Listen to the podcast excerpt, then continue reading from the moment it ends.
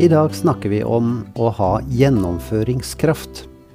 Enkelte har en vilje av stål og gir seg ikke. Andre setter i gang med ting, men klarer ikke å fullføre. Når motgangen blir stor og resultatene uteblir, gir de opp. Barna kommer ofte til de voksne for å få hjelp til å gjøre ferdig et eller annet prosjekt. Så føler de det ble en seier for begge når de lyktes. Om det gjelder en seljefløyte eller en lekehytte, er det ikke så farlig. Men vi kan ha våre store livsprosjekter. Lykkes med å få en vennekrets, ta vare på ekteskapet vårt, skape trygghet for barna når de vokser opp.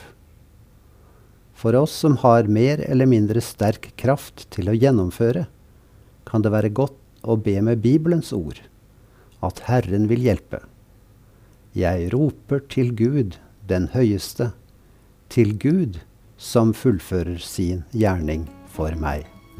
Salme 57.